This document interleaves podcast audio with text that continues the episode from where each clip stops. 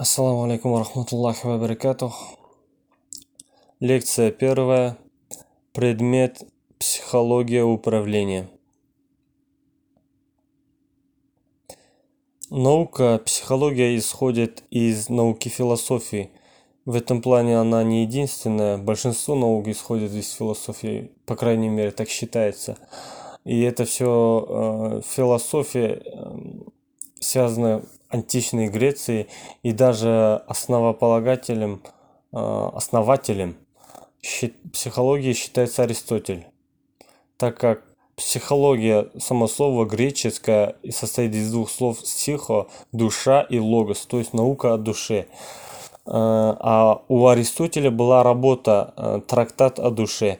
И именно он считается первым человеком, который начал писать труды в, в этой сфере. Э, так считается. Э, наверное, Аристотель сам не в курсе этого. Так как э, само слово психология, те, как термин, науки появилось уже в 16 веке. Изучает эта наука, как я понял, по материалу лекции я ничего не смог понять. Э, в интернете я понял, что это э, наука, изучающая психический, психическую деятельность. Психическая деятельность – это все, что происходит внутри человека, его субъективные восприятия э, мира, восприятие информации, его внимание, память, воображение, мышление – и влияние всего этого на поведение человека.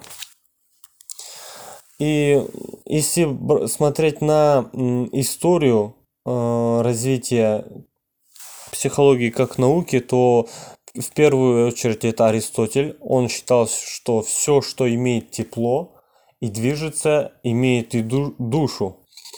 И он сконцентрировался вот э, на на духовном, вот на оду, одушевлении всего, все, что движется. А, противоположное мнение и придерживался Демокрит. Он был материалистом и говорил, что все, что есть, состоит из атомов. Даже ваши мысли в вашей голове, все это атомы, и, и они движутся, что-то там делают.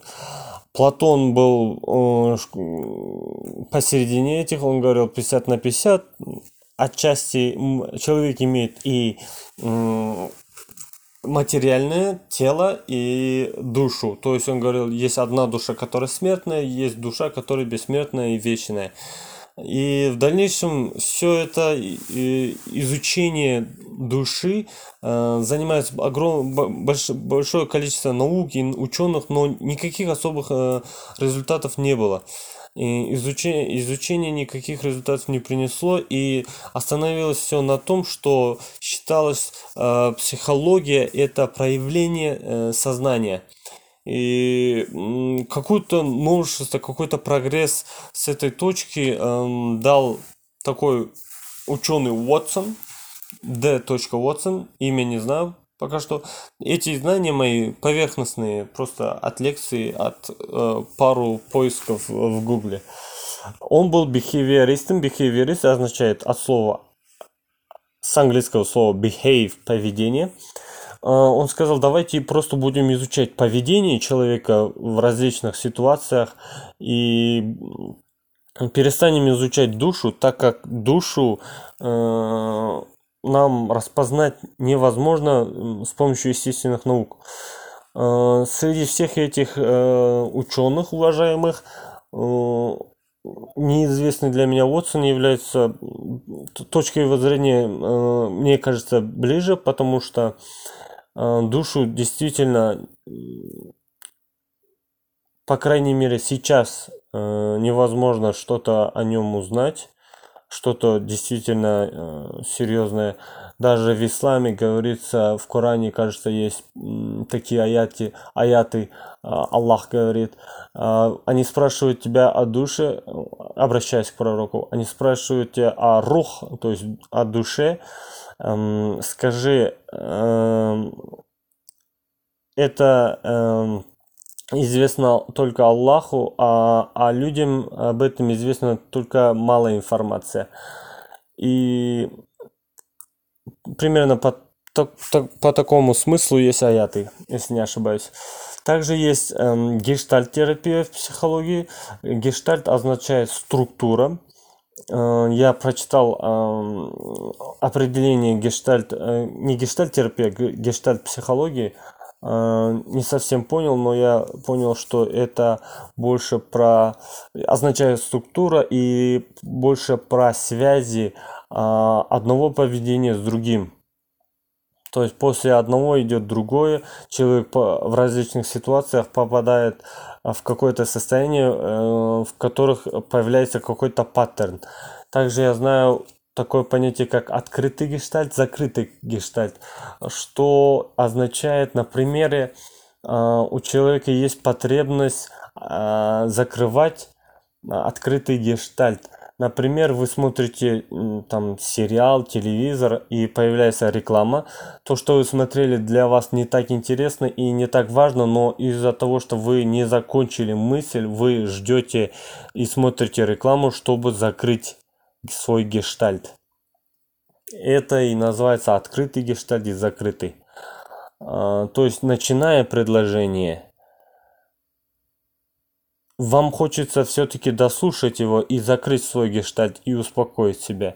Это используется в таких случаях, э, например, когда э, вы обучаетесь, можете специально не закрывать свой гештальт, например, вы изучаете, готовитесь к какому-то предмету, который будет через неделю, вы можете прочитать лекцию, но не до конца тему, и у вас не закрывается гештальт, и вы, ваш мозг не перестает обдумывать, э, обрабатывать эту информацию.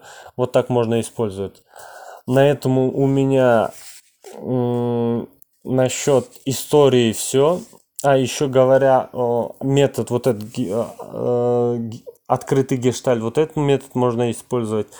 Также можно использовать, я сегодня смотрел э, видеолекцию Андрея Баумейстера, есть такой современный э, философ, он говорит, что именно сейчас такая проблема, что Google делает людей, э, он основываясь на какой-то книге, говорит, что Google делает людей более глупыми, так как они, имея поверхностные знания, э, выучивая именно какие-то термины определения, название чего-то, думают, что они знают это. И из-за этого, даже когда они сдают, люди сдают экзамен, тем более в таких условиях сейчас, э, когда онлайн, э, просто Википедию читают, либо даже если не читают, просто зубрят. И в этом случае э, он говорит, хорошо поможет, если вы анализируете информацию, прочитанную информацию, и синтезирует, синтезируете, я не совсем понимаю, что это значит, синтезируете, наверное, это означает понять, а потом э,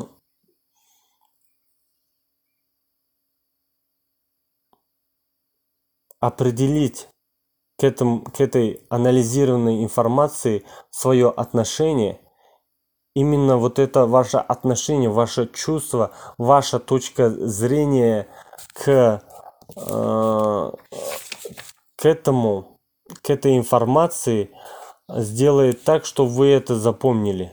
А без э, вашего точки зрения, без вашего мнения к этой информации, без, без вашего отношения к этому, она не запомнится. И также в психологии есть такое понятие, не понятие, а методы научных исследований. Методы, то есть это означает любые приемы, принципы, которые используют в определенной деятельности. А в данном случае это психология. И качество а, полученных сведений по определенной методологии зависит от от двух факторов измеряют ее, проверяют или валидность это соответствие метода э, данного метода к изучаемому предмету, насколько это она соответствует.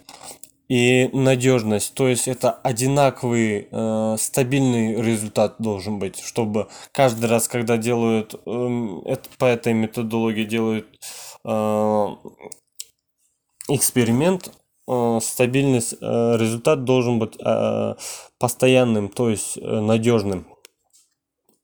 Также есть э, такое понятие, как наблюдение. Одно из видов э, эксперимента, видов э, научных э, исследований психологии – это наблюдение. Наблюдение делится на э, внешнее и внутреннее. Внутреннее – это самонаблюдение. Пока что не знаю, что это. Если э, это то, что я думаю, это что-то похоже на мурабата. Это восточное более понятие. А внешнее наблюдение делится на э, структурированное, неструктурированное.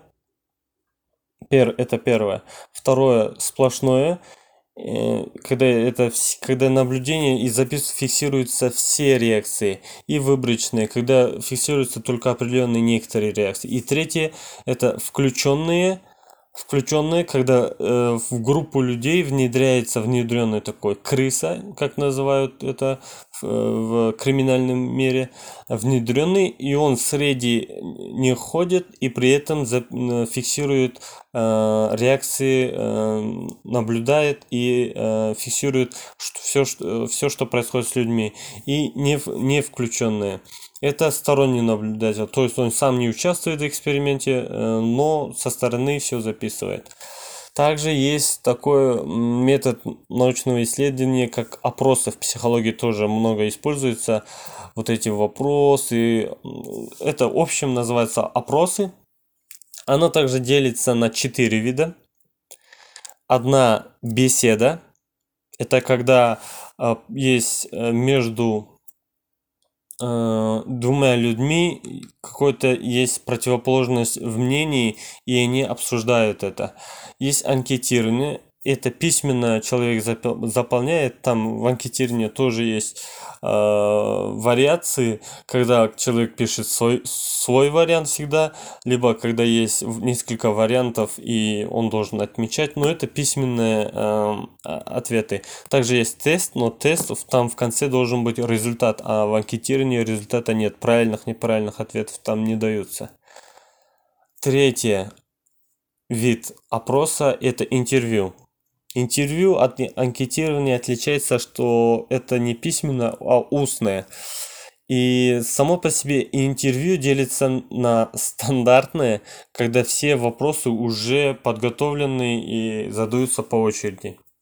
Э, Нестандарты, ну стандарты это как блиц, знаете. Нестандартные, э, это когда импровизационно на ходу э, во время интервью человек задает вопросы и полустандартные. Это частично подготовленные задают, но в ходе беседы, в ходе интервью тоже э, задаются какие-то импровизационные вопросы, как дуть.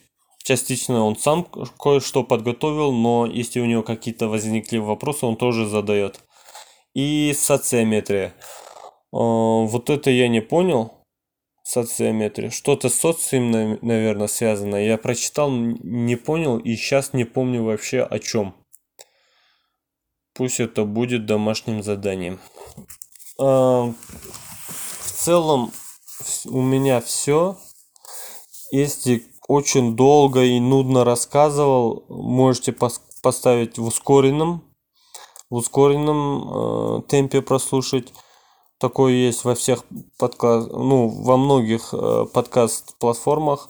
Наверное, эта запись будет во, во всех наиболее популярных э, подкаст-платформах. Я не знаю, я не выкладываю никуда ничего. Я просто в ваншор в одно предложение приложение выкладываю, оно само везде все пихает. И, наверное, еще и телеграм-канал открою какой-то. И туда буду выкладывать. Да, подкастах, по любых подкаст этих можете слушать, в, тел, в Телеграме можете слушать. Вот это все, что я понял по первой лекции.